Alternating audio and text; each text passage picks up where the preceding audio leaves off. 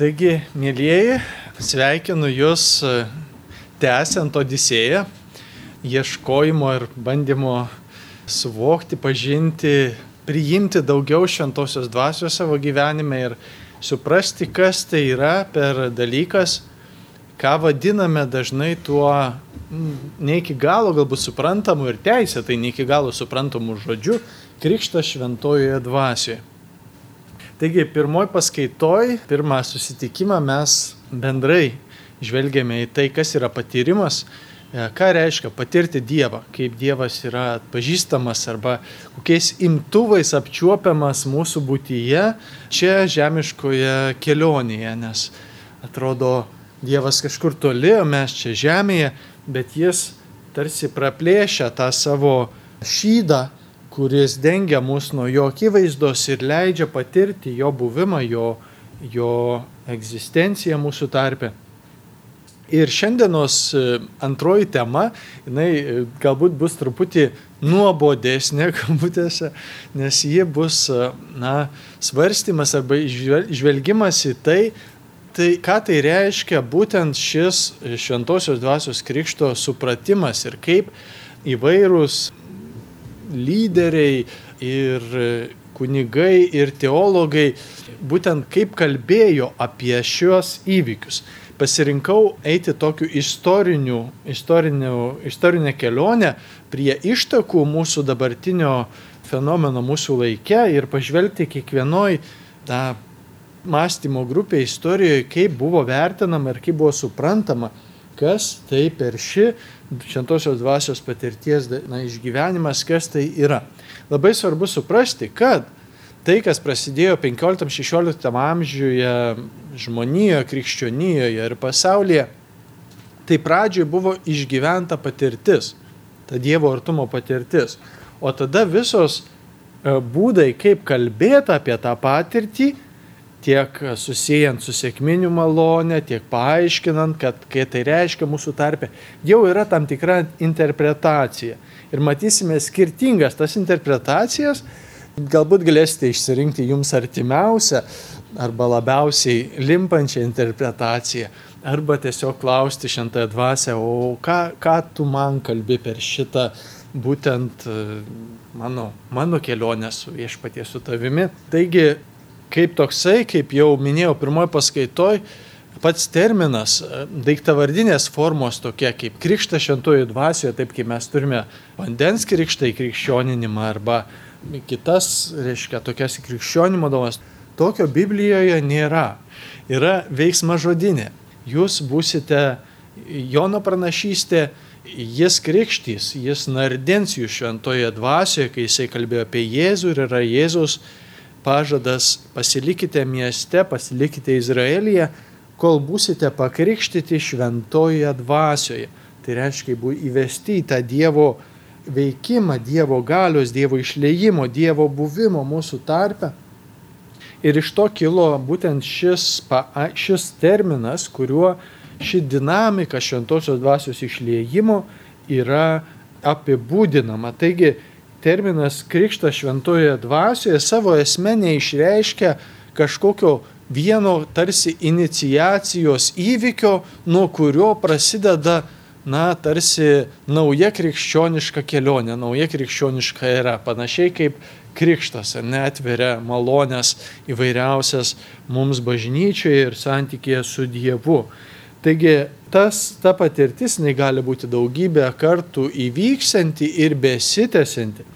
Ir šis terminas, jo ištakos pačios patirties, kaip jau truputį užsiminiau pirmoji paskaito, dabar praplėsiu, pačios giliausios ištakos šio dabartinio dvasingumo, kurį vadiname charizminiu arba sėkmininkišku ar dar kokiu, yra 14-15 amžiaus Jono Huso, Jan Hus, E, husitų įkvėpėjo, kuris buvo kunigas, Pragos universiteto rektorius. Jisai skaitė bažnyčios tėvus, ypač Augustiną, ir ypač kvietė ir ragino gyventi šaukianti šventosios dvasios, šaukiantis Dievo malonės ir tokiame betarpiškame santykėje su Dievu. Ir tuometinėje bažnyčioje, kuri būtent šiame 13-14 amžiuje išgyveno gana sunku institucinį tokį periodą, kada gana griežtos taisyklės ir bažnyčios valdžios, tai yra popiežiaus ir kardinolų įtakos, jos buvo sujungtos su žemiškąja valdžia. Bažnyčia ir na, vietinė valdžia tapo, tapo bendra keliaiviai ir popiežius buvo aukščiausias ir na, žemiškosios valdžios autoritetas. Ir jisai tuos principus bažnyčia taikė ir valdžios arba jėgos principus taikė ir būtent bažnyčios gyvavimui, pastoracijai. Ir Janas Husas prieštaravo tokiam mąstymui, tokiam bažnyčios žvilgsniui. Kodėl? Jisai skaitė Augustiną ir kitus bažnyčios tėvus apie tai, kas yra popiežius. Pavyzdžiui, kad popiežius yra ganytojas, visų artimas, tas, kuris rūpinasi kaimenė. Todėl sakė, popiežiui nedėra užsidaryti tarsi valdovui rūmose ir visiems vadovauti kaip kokiam, na, autoritetui, karaliui. Jam reikia eiti tarnauti bendruomenėms. Jis yra ganytojas ir prieštaravo bet kokios prievartos būdams bažnyčioje, tokiems kaip ekskomunikos, kurios būdavo dažnos už visokius klaidingus įsitikinimus, būdavo ekskomunikuojama arba net egzekucijos vykdomos eretikams, ties, kurie užkėtėja, nepasitaiso, neatsiverčia ar ne. Ir turime tą istorijos laikotarpį, kuris, sakykime, tamsus. Bet e, šis kunigas pats užaugęs vargingoje šeimoje ir dėl savo gabumų, tikrai akademinių ir žmogiškųjų, tapęs ir universiteto rektoriumi ir labai labai gerbiamas savo krašte dėl savo gyvų pamokslų, dėl savo nuolankumo, artumo kiekvienam žmogui. Jis buvo apkaltintas na, bažnyčios vyresnybės jo klaidingų mokymų, ypač dėl to, kad jis pasisakė prieš indulgencijas. Jisai tiesiogiai vadindavo bet kokias aukas už nuodėmių atleidimą, būdavo, visas mechanizmas tuo metu bažnyčia išsivystė gana, gana sudėtingas šito atžvilgiu. Reiškia, kadangi indulgencijos kaip tokios, tai reiškia aukos už nuodimo atleidimą, išsivystė iš e, atgailų, elementarių atgailų, kurios buvo duodamos na, žmonėms, kad kreipti gyvenimo kelią į Dievą. Ir viduramžiais viena iš tokių atgailos formų tapo, na, auka bažnyčiai, reiškia finansinė parama ir išsivystė iki tokio lygmens, kad bažnyčios arba vienuolynai turėdavo sumokėti didelius mokesčius Vatikanui tam, kad jie turėtų teisę kabutėse pardavinėti indulgencijas, ar ne, reiškia, už aukas, skirti, na, atlaidus, ar ne. Atrodo, mums šiandien atrodo keista, kurioziška, ne, bet, bet na, tame laikmetyje tai buvo. Ir Husas pasi, pasipriešino, jis sakė, kad tai yra neteisybė. Atleidimas ateina per Jėzų ir Dievo malonė turi būti teikiamas kiekvienam dykai be jokių išlygų. Ir tuos, kurie pardavidėdavo indulgencijas, vadindavo vagimis, o popiežių ir visą kitą, kurie tai organizuoja, vadindavo, na, galima sakyti, nusikalteliais. Tai už tokią retoriką kurią pasakydavo švelniai, bet sakykime grubiai. Jisai buvo, na, iš pradžių kaip ir išmestas bažnyčioje iš viešos tarnystės, bet vietoje žmonės jį palaikė ir, ir niekas na, nes, nesipriešino jam. Ir jis toliau tęsė savo tarnystę ir galiausiai jį iškviečia popiežius į Konstancijos susirinkimą kartu su kardinolais pasiaiškinti dėl savo teiginių jam parašė raštą Safe Conduct, kad tu, reiškia, nebusi liečiamas, kad nu, diplomatinis leidimas, kad tu galėsi atvykti saugiai ir išvykti iš susirinkimo saugiai. Bet jam atvykus jis buvo apkaltintas esantis eretikų, kadangi e, neatsižadėjo savo įsitikinimo dėl evangelinių tų principų, kuriuos išdėstė. Ir štai jisai buvo su savo palidovu sudegintas. To pasiekoj kilo husitų judėjimas toks dvasingumas, kuris e, rėmėsi, na, iš tikrųjų, Jono Huso raštais, kurie vat, skatino tą betarpišką santykių su Dievu, sėkminių bendruomenės tokia, tiesiog žmonių, paprastų žmonių kartu maldą. Ir kilo tas dvasingumas kartu su Bohemijos na, visa revoliucija. Ir to pasiekoj, paskiau šis dvasingumas pas, turėjo pasitraukti dėl persekiojimo ir spaudimo tiek iš valdžios, dėl revoliucijos visos iškia vyksmo, tiek dėl bažnyčios spaudimo turėjo pasitraukti į Vokietiją.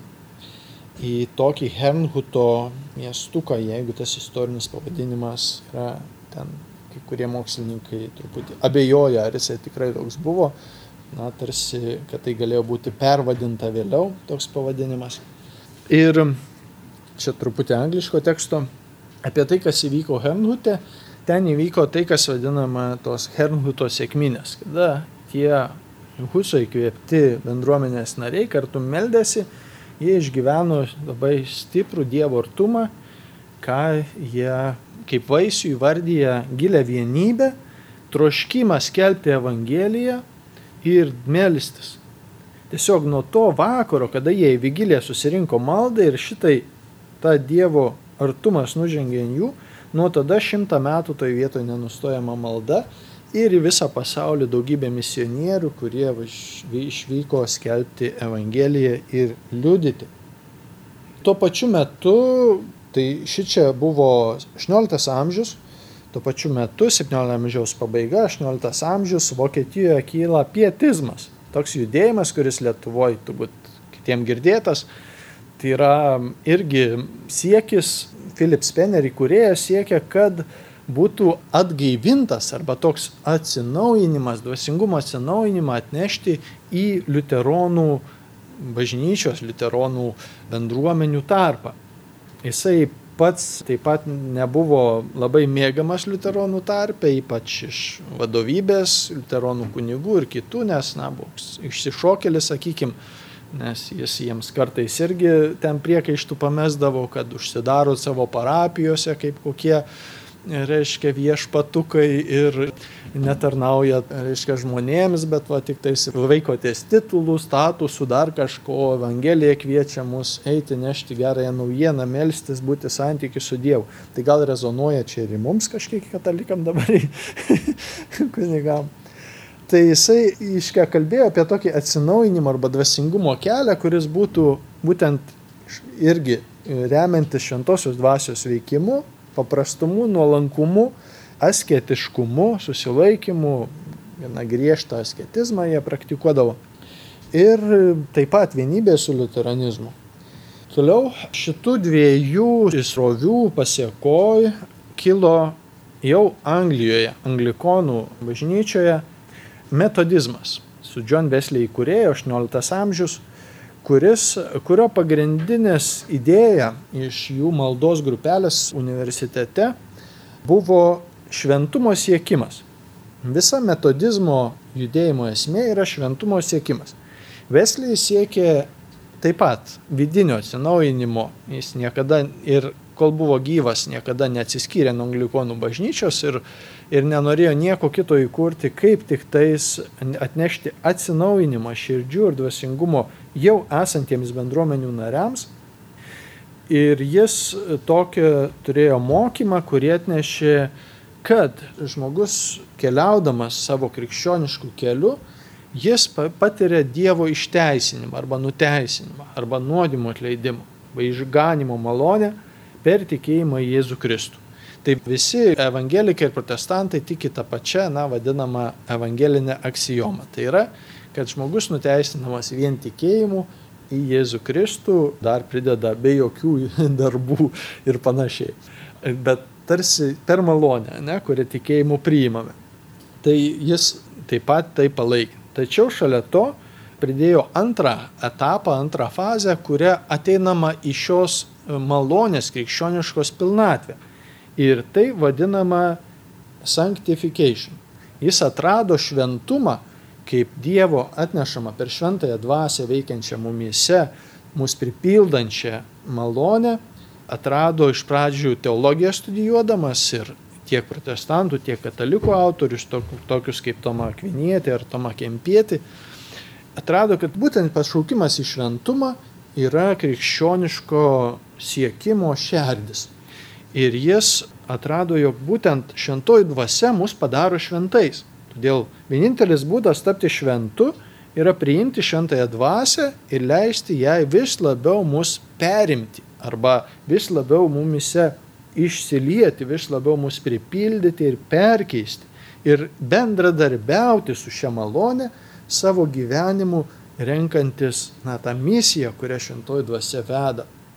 Ir šis e, įsitikinimas dėl šventumo jis turėjo tokį teologinį arba na, iš įsitikinimo, iš būtent skaitytų raštų, studijuotų veikalų šitą įsitikinimą ir būtent savo grupėse meldėsi, bet jo didžiausias pokytis įvyko, kada jisai susitiko būtent to Hernhuto misionierius, kurie pirmiausia jam paliko didžiulį įspūdį, nes jie nieko nesimokė, nieko nestudijavę, supranti, o turi tokį gilų ir tokį tikrą santykių su Dievu, kad ko nepavydas ima, žinai. Tai ir, ir žinai, ir, ir kas jiem atsitiko, reiškia. Ir tada jisai pradėjo dalyvauti jų maldoje ir būtent jų vienoj bendruomeniai pats patyrė šventosios dvasios išliejimą, pripildymą, jisai sako, dieviškąją meilę, kurioje tapo, na, pilnatvė toj malonės išgyventa.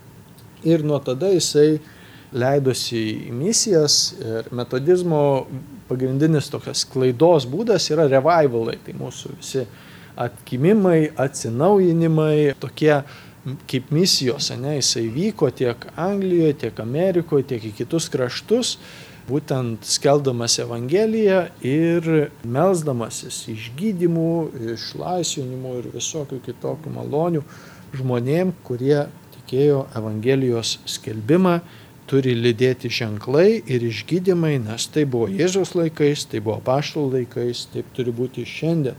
Ir ypač suvokiant, kad būtent šventoji dvasia, jos nužengimas, jos ateimas padaro, kad šitie dalykai vyktų. Ir Wesley pasiekėjas būtent tą pašventinimą šventosios dvasios nužengimą ant žmogaus, vienas mokinys, John Fletcher, 18 amžiaus viduryje, ėmė savo raštuose, jisai Fletcher, pats Wesley, jisai labai nedaug rašė, jisai daugiau pamokslavo, O Fletcheris susistemino Wesley e, mokymą ir, ir suguldė, sakykime, į veikalus, į knygas. Ir jisai pradėjo vadinti pašventinimą krikštų šventąją dvasę. Angliškai baptism with the Holy Spirit. Ir jis būtent tą šventosios dvasios darbą, kuri mus padaro šventais, ėmė vadinti krikštų šventąją dvasę. Čia randamos ištakos šio termino kurį šiandien turime, iš kurio jau išsivysto tada visokie aiškinimai dar, bet tas terminas kaip toksai. Šventoji dvasia nužengia ir mus padaro šventais bei veda šventumo keliu į vis gilesnį išgyvenimą Dievo artumo ir Dievo vienybę su Dievu. Ir šalia to ir įgalina, duoda galę nešti ir skelbti Evangeliją. Iš metodizmo, kuris vėliau suformalėjo, iš pradžių buvo toksai gyvesnis, sakykime, arba toks pradžio to judėjimo na, veiklus ir na, toks dinamiškas visur. Bet paskiau jisai ėmė suformalėti, atsirasti vėlgi struktūros, atsiskyrė galiausiai nuo anglikonų bažnyčios, bet čia vėliau Bet tas formalumas kai kuriems nariams nepatiko. Jie ilgėjusi to entuzijazmo, to tokio laisvo dvasingumo, kuris Vesliai buvo pradžioj. Ir tada nuo metodizmo atsiskyrė tokia šaka, kurie pasivadino Holiness Movement. Nu, tarsi mes koncentruojamės į šventumą ir, nu, galima sakyti, dežavų. To, ko siekė metodizmas, tame, to dvasingumo judėjimo anglikonybėje, dabar Holiness Movement siekia, aiškia, atsinaujinimo tarp metodistų, žinai, ir tokias kaip atskirai kūrė srovę. Pirmoji tokia įkvėpėja šito, šito judėjimo yra Phoebe Palmer, XIX mm, amžiaus pirmą pusę, ant, nu, vidurys. Ir jinai pradėjo taip pat sutapatino pašventinimą su šventosios dvasios krikšto terminu, krikštu šventoje dvasioje ir ypatingai pabrėžė galę arba jėgą kurią ši patirtis žmoguje suteikia. Tai reiškia galę, kuri reiškiasi charizminiu veikimu ir savo krikščionišką laikyseną, kurią Dievas įgalina būti kitaip. Ir pabrėžė, kad būtent tas šventosios dvasios ateimas ir išlėjimas įvyksta akimirksniu, tai yra staiga, tai nėra kaip Vesliai mokė, kad šventumas ir tas bendradarbiavimas su šventąją dvasia yra viso gyvenimo užduotis. Kitaip sakant, šventas jau būsi, kai tą misiją iki galo įvykdysi. Susišventinsi, sus, būsi šventas su Dievu per visą gyvenimo misiją. Tai čia kaip tame pasakyme, kad sako, kad kada galiausiai nuodėmė ir puikybė pasitraukia iš žmogaus gyvenimo. Tai trys dienos po jo mirties. Tai panašiai šventumas, ne, kad jisai tęsiasi į amžinybę. Tai Vesliai turėjo gyvenimo perspektyvą. O Palmer pabrėžė būtent tą momentinį, staiga priimi šventąją dvasę, jėgą ir viskas, pilnatvė, šventumas ir, ir tarnystės evangelizacijos jėga jau čia dabar ir nieko tarsi daugiau siekti ir ieškoti nebereikia, bet tiesiog nešti į apyvartą tuos talentus ar tas dovanas, kurias tau viešpats suteikia. Ir tas pašventinimas yra versmė arba pradžia viso, visos kelionės.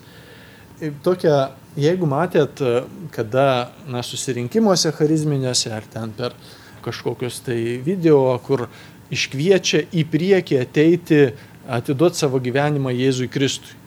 Tai yra altoriaus teologija vadinamoji. Tai Phoebe Palmer, jinai buvo pradininkė šitų dalykų kada žmonės iškviesdavo ateiti į priekį, prie altoriaus, kitaip sakant, ir savo gyvenimą paukoti viešpačiui Jėzui Kristui, kai visi meldžiasi. Tai čia yra iš ši čia kilę ši, iškia, visi vyksmai, kurie šiandien yra mūsų irgi priimti. Tai va, tai tokia buvo jos idėja, kad atnaujinti tą šventumo judėjimą ir jį taip pat, sakykim, labiau akcentuoti tokią laisvą ir gyvesnį, sakykime, negu metodizmas jau susistruktūravęs palaikė. Ir vienas iš du mokiniai arba sekėjai Holiness Movement, nuo kurių atsirado sėkmininkai. 20-ojo amžiaus pati pradžia, tai yra Charles Parham ir William Seymour. Parhamas įkūrė tokią Betelio maldos evangelizacijos ir gydymo mokyklėlę Ir ten kartu su mokiniais, skaitant apaštalų darbus ir siekė pažinti, ką reiškia iki galo ta sėkminių malonė, ką reiškia šventosios dvasios dovana, kaip mes galime ir klaus, kelti klausimą ir prašyti malonės Dievą, melstį malonės, kaip mes galime viešpatie su tavo jėga šiandien sudabartinti tą sėkminių na, dvasingumą mūsų tarpe. Jis bestudijuodamas jį atrado tokį momentą, kad visais atvejais, kuriais aprašoma apie šventosios dvasios nužengimą paštalų darbuose, ar tai būtų pačios sėkminės, ar tai būtų samariečių krikštas, ar Kornelijaus krikštas, ar tai būtų šitas, kur ten jie keliavo, paštas Paulius, Damaskė ant apaštalo Paulius nužengė, bet paskiau skelbė ne Samarijoje, bet 17 skyrius atrodo, ar kuris. Žodžiu, visais atvejais, kurie paštalų darbuose aprašyta, yra matoma, kad kai šventoji dvasia nužengia, dažniausiai trys dalykai įvyksta ir, ir, ir jie yra nurodyti. Tai yra žmonės šlovina Dievą, pranašauja ir kalba kalbomis.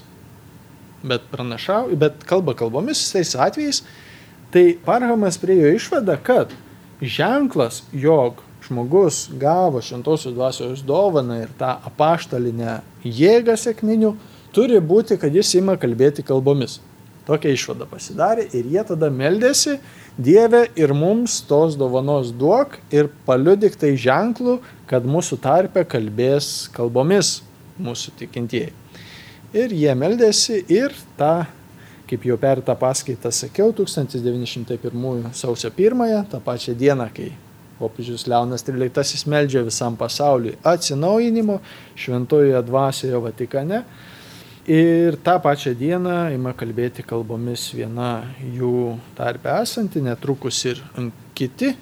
Ir jie tampa uždegti Dievo artumu, išeina į gatves, evangelizuoja ir labai plinta šis jų, na, toks atsidavimas viešpačiui arba šventosios dvasios atsidavimas, sakykime, abipusis su na, tuo nauju būdu, kur negirdėta, nematyta, labai daug kritikos strėlių iš aplinkos, jie buvo laikomi fanatikais, durneliais kažkokiais, kažkokiais, žinai. Nes ta kalbų dovana atrodo, nu jinai ne tai, kad savitai, jinai atrodo keistai iš šono, reiškia, ypač kada viešoje erdvėje, ne, ne iš viso atrodo kažką. Tai, bet jie va, visiškai atsidavę tam, kad čia yra tiesa, kad pasiskelbė, kad mes esam tikroji apaštalinio tikėjimo bažnyčia. Čia dabar kartais protestantų bendruomenės jie tokio, tokio savo reikšmingumo ne, nepagailį. Jie pasakė, mes esam dabar tikrojo tikėjimo, apaštalinio tikėjimo, Dievas čia įkūrė šitą darbą, nuo čia pradeda viso apaštalinio tikėjimo atstatymą pasaulyje. nuo mūsų, šičia, nuo šitos grupelės. Žinai, ir Ir mes esam tikroji, va, ta tikrai, tikrąją, tą tikrąją, tikrąją, jau sėkminių dovaną mes gavom, žinai, jeigu ką, ir va, mums vieninteliams čia su kalbom patvirtina štai Dievas. Kadangi Amerikoje štai vyko, tuo metu visuomenė buvo pasidalijusi, na, žinome, istoriškai buvo gana sunkus santykis baltoodžių ir juodaodžių. Ir praktiškai jie vienoje bažnyčioje nesimatydavo. Iškai mes davosi atskirai, tos ir tos bendruomenės ir na, sunkus diskriminaciniai buvo žvilgsniai juodaodžius. Todėl vienas iš parchomų mokinių, kuriam jo susirinkimuose net neleidavo sėdėti kartu su kitais, jisai prie durų turėdavo sėdėti, kaip, na, visuomenė tai buvo visiškai, visiškai normalu, priimtina skirstimas. Jis į savo misiją pradėjo Centervilyje Azuza gatvėje ir ten toks revivalas vadinamas. Ir iš ten, galima sakyti, išplito visas tas sėkmininkiškas dvasingumas. Mm, Seimuras buvo labai nuolankus, labai paprastas, visiškai ne oratorius, nebuvo jokio, na, išraiškingo, kaip kartais tokio evangelinio, labai paprastai išnekėdavo bet e, daugybė žmonių susirinkdavo, kartu melsdavosi, leisdavo ir kitiem pamokslauti, savęs nesureikšmindavo, visus priimdavo, kas ateidavo. Ir tų, kas, to, kas ten vyksta ir patirti tai, kas ten dedasi, daug smalsuolių ateidavo. Iš kitų bažnyčių, net katalikų ateidavo pasižiūrėti. Ten buvo visiškai ekumeniška, visiškai laisva. Kas nori ateina, kartu melžiasi, mūsų vienintelis tikslas - santykių su Dievu, šaukti šventosios dvasios. Ir ten vyko ir stipri evangelizacija, išgydymai ir visi kiti yra liudijimų nemažai. Jie pradėjo leisti savo laikraštuką savaitinį, ten aprašinėja visokius, čia tas iš to pasveiko, tas iš to, čia, reiškia, dar. Tikrai atrodo, atrodo istoriškai negalėtų būti suklastota, tai čia vyko daug išgydymų, kurios viešpats darė jų tarpe. Ir taigi tas nu, sėkminių dvasingumas, sėkmininkų dvasingumas ir, ir jų judėjimas kaip toks, jie save nelaikė denominacija, bet tapo ganėtinai uždari ir save, nu, laikė privilegijuotais čia žemėje, būti tais ambasadoriais tikrosios sėkminių malonės ir tikrosios jėgos iš aukštybių. Ir jie pradėjo plist pasaulį ir taip mes vadiname klasikiniais sėkmininkais. Jų ten yra jie skirstomi į keturias grupės, dabar jų atskirai nesigilinsim, aiškia, kas, kas kaip kokie. Bet jų mokyme būtent šventos dvasios krikštas yra suprantamas dviem būdais. Kad po nuteisinimo, tai kai žmogus priima Jėzų Kristų kaip savo viešpatį, jam atiduoda savo gyvenimą ir, ir, tiki, ir įtiki, kad jis mirė už mūsų nuodėmės, Tada šventoji dvasia pradeda tą pašventinimo darbą, kuri tęsiasi visą gyvenimą. Ir priėmimas to darbo yra per dvasios krikštą. Tai yra tą pašventinimą vesliai, būtent haulinė sėkmininkai, būtent ir priėmė kaip šventosios dvasios krikštą šiuo terminu.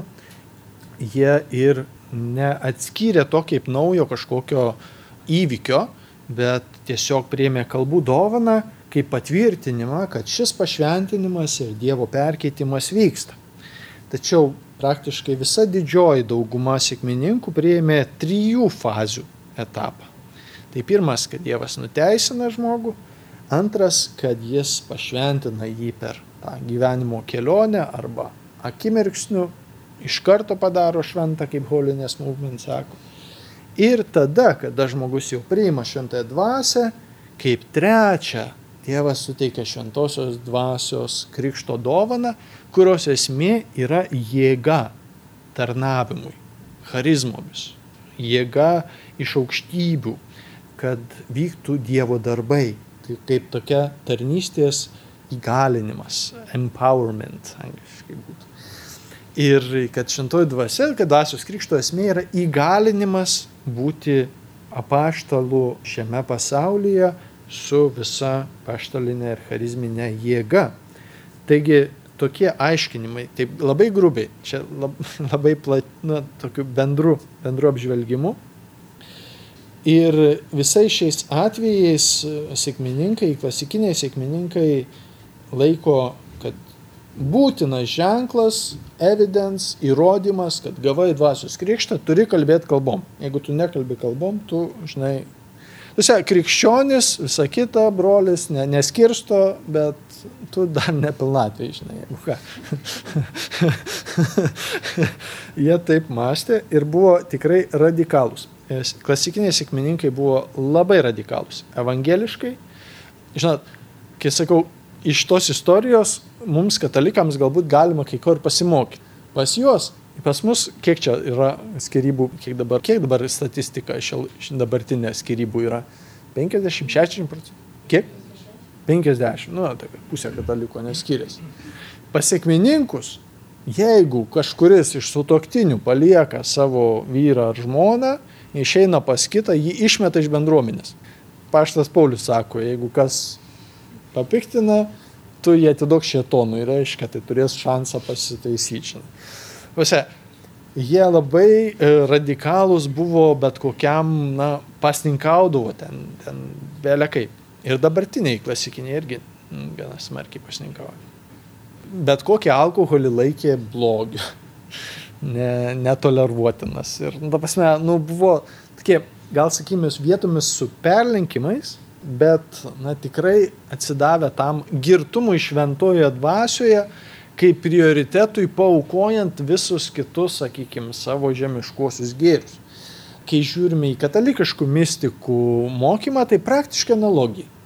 Ar tai imsi kokius ten Tomą Kempietį, ar tai imsi kokį tai šventai tėvapijų, ar, ar dar kuriuos, nu, kryžiaus Joną, Teresę Vilietę, visi kalba apie tą na, būtinybę savo nukirsti savo žemiškosios laimės dalį dėl dvasinės jėgos arba vienybės ir malonės.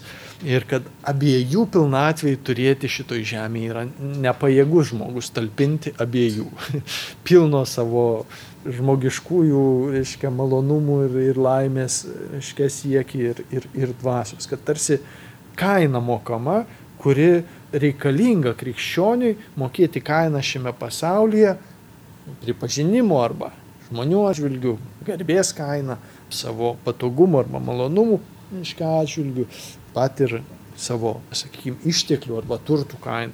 Tai sėkmininkai tuome buvo labai, labai radikalūs. Ir būtent gyveno tą sėkminių jėgos akcento viziją.